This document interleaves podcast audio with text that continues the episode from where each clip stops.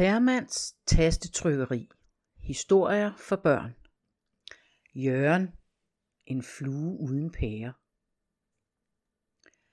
Jørgen var summende glad, som kun fluer kan være summende summeglade. Hvis ikke der var et lille stykke mad under spisebordet, eller en klat syltetøj, honning eller smør på duen, så var der altid en ledig blomst at sætte sig på og stikke snablen i. Når familiens hektiske morgen var overstået, var der altid rester fra morgenmaden på bordet. Der var to voksne og to børn. Pigen og drengen krummede på borde, stole og på gulvet, når de spiste brød til morgenmad. Fik de havregryn og cornflakes, uanset om det var med mælk eller yoghurt, lå der altid en ring af mælk under tallerkenen, eller klatter af yoghurt rundt om den. Tit havde de ikke engang nået at sætte deres tallerkener i opvaskemaskinen. Så var det et rent slaraffenland for Jørgen. Mælk og sukker var bedst. Hvis der lå yoghurt, kom Jørgen altid til at træde i det. Når han så prøvede at ryste det af den ene fod, var der altid en af de andre fødder, han ikke havde styr på. Og snart havde han yoghurt over hele hoved og på samtlige fødder. Hvis man aldrig har prøvet at være flue, ved man selvfølgelig ikke, hvor svært det er at fjerne yoghurt fra fødderne. Men prøv en gang at danse stepdans i en balje med yoghurt og vask det så af bagefter med tungen. Det er slet ikke så nemt, vel? Men Jørgen sad tit på lampen over spisebordet og nød, når pigen dryssede sukker på sin havregryn. Skeens tur fra sukkerskålen og hen til tallerkenen efterlod som regel et lækkert sukkerdrys på bordet øh, hele vejen. Så snart familien var væk fra bordet, summede Jørgen ned og begyndte at guffe i sig. Når han sad der og guffede i sig, skulle han bare huske at være opmærksom på, at der ikke pludselig kom en med en fluesmækker eller den elektriske ketcher. Uha. Det var lige før at Jørgen tabte vingerne, når han tænkte på den. Heldigvis havde han 8.000 øjne, så der var nok til at holde øje med omgivelserne. Jo, Jørgen havde det godt, og han vidste udmærket, at det eneste man ikke måtte gøre i huset var at gå i panik og flyve ind i vinduerne. Mange familiemedlemmer, af hans familie altså, var gået til i varmen i vindueskarmen. Den djævelske vindueskarm. Havde man først fået lidt for meget sukker, kunne det være svært at styre vinger, ben og alle de mange øjne på én gang. Skete det først, var man prisgivet. Jørgens lillebror, Lille Jørgen, havde for blot en uge siden stillet træskoene i vindueskarmen. Altså ikke sådan nogle rigtige træsko, men han var fløjet hen i vinduet sammen med en af sine tåbelige venner, som han havde bildt ham ind, at når man kunne se igennem noget, måtte man også kunne flyve igennem det. Så de havde brugt hele dagen på at summe op og ned med ryggen mod vinden, og til sidst var de simpelthen tørret helt ind i solen. Den næste dag var de blevet suget ind i støvsugeren. Men som hans mor altid havde sagt, de som ingen pære har, de ævler. Jørgen kedede sig lidt. Han havde brugt det meste af morgenen på at slikke yoghurt af fødderne, og sad nu på en stolryg og kiggede ud over stuen. Over i hjørnet lå katten på sit bløde varme tæppe. Oven på skamlen og nød solen, der skinnede ind gennem vinduet. Måske var det tid til lidt sjov. Jørgen elskede at lege med katten. Selvom han godt vidste, det kunne være farligt. Men de sjoveste ting var som regel også de farligste. Gynge i spindelvævet, spise sukker af børnenes fingre, lave fodspor i smøret, slikke på bøfferne på gasgrillen og ja, altså også at lege med katten.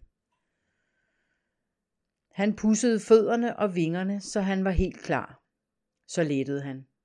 På vej over mod katten kunne han ikke lade være med at grine. Med tanke på hans plan. Sidste gang var det lykkedes ham at drive den så meget til vanvid, at den til sidst var faldet ned af skamlen. Når han tænkte tilbage på det, begyndte han at grine endnu mere. Han prøvede at holde sig for munden, mens han fløj, men til sidst skraldgrinede han så meget, at han var nødt til at flyve op under loftet, cirkle lidt rundt og sætte sig for at grine af ingen, inden han kunne fortsætte. Mens han sad der på loftet, kunne han se lige ned på katten. Den lå på siden, så dens ene øre strittede lige op i luften. Det var perfekt. Han slap med fødderne og dykkede ned mod hjørnet.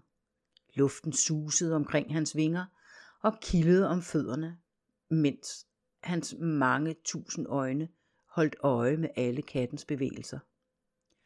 Lige inden han nåede ned til den, bredte han vingerne længere ud og bremsede. Langsomt summede han ned og satte sig på ørespidsen.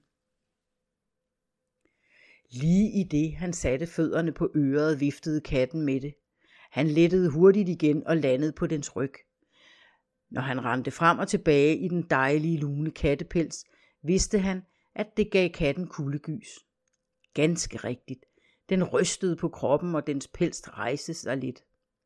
Han lettede igen og landede i stedet på de små, bløde trædepuder under poterne. Der kom et søvnigt miau fra den, mens den trillede om på ryggen. Perfekt. Nu kunne han lande lige på maven. Det gjorde han. Det kildede endnu mere, og den trillede tilbage på siden. Han cirklede lidt rundt over den, mens han piftede efter den og rakte tunge. Så landede han på snuden i stedet. Nu vågnede den langsomt. Dens ene pote ville vifte ham væk fra snuden, men han var allerede lettet. Katten var så sløve og dogne. Ikke ligesom ham, hurtig, smart og kvik. Du kan ikke fange mig, sagde han højt ned mod katten, og rundede af med en kæmpe bøvs. Puha, den bøvs smagte lidt af gammel jordbærjugurt og fødder. Han cirklede lidt rundt igen og landede så lige oven på kattens hoved. Der blev han og steppede lidt rundt. Han dansede en tango, en rumba og to gange polka for at slutte ordentligt af. Så kom poten farne, men han havde set den for længst og dukkede sig bare. Så dansede han en slow fox og en vals på to ben, mens han lavede pruttelyde med de andre fire. Nu var katten godt træt af det trylleri og drilleri, og viftede lidt med poterne for at få ram på ham. Den lå på ryggen og slog ud efter ham hver gang han nærmede sig. Du for langsom, sagde han bare til den, vendte ryggen til og klaskede sig på numsen, mens han lavede flere bruttelyde. Langsomt lokkede han den tættere og tættere på kanten af skamlen. Til sidst lå den med det meste af kroppen ud over kanten, og nu skulle han bare have det til at slå ud efter ham en gang mere. Så ville den dræt ned. Men ligesom han lagde an til det sidste angreb, åbnede hoveddøren og sendte en lun brise hurtigt igennem huset. Der slog ham helt ud af kurs. Næsten inden han vidste, hvad der var sket, sad han fast mellem kattens to poter og var på vej ind i dens mund. Hans vinger og fødder blev klistret helt til af kattesavl, og den skulle lige til at gnaske ham, da der lød høje børnestemmer fra gangen. Hej, Ejner! Kss, kss, kss, kss, kss. Katten spyttede ham ud, kiggede træt på hans slatne slimede krop, sprang ned på gulvet og løb ud i gangen. Jørgen gispede efter vejret men han slæbte sig over i vinduskarmen for at tørre i solen. Ejner hed den kat virkelig Ejner. Han smilede ved sig selv og fik langsomt humøret tilbage. Han rystede på vingerne og mærkede, hvordan varmen hjalp. Mens han tørrede, kravlede han op ad væggen og satte sig til sidst på loftet, indtil han igen kunne bruge vingerne. Han kom i tanke om sin mors ord.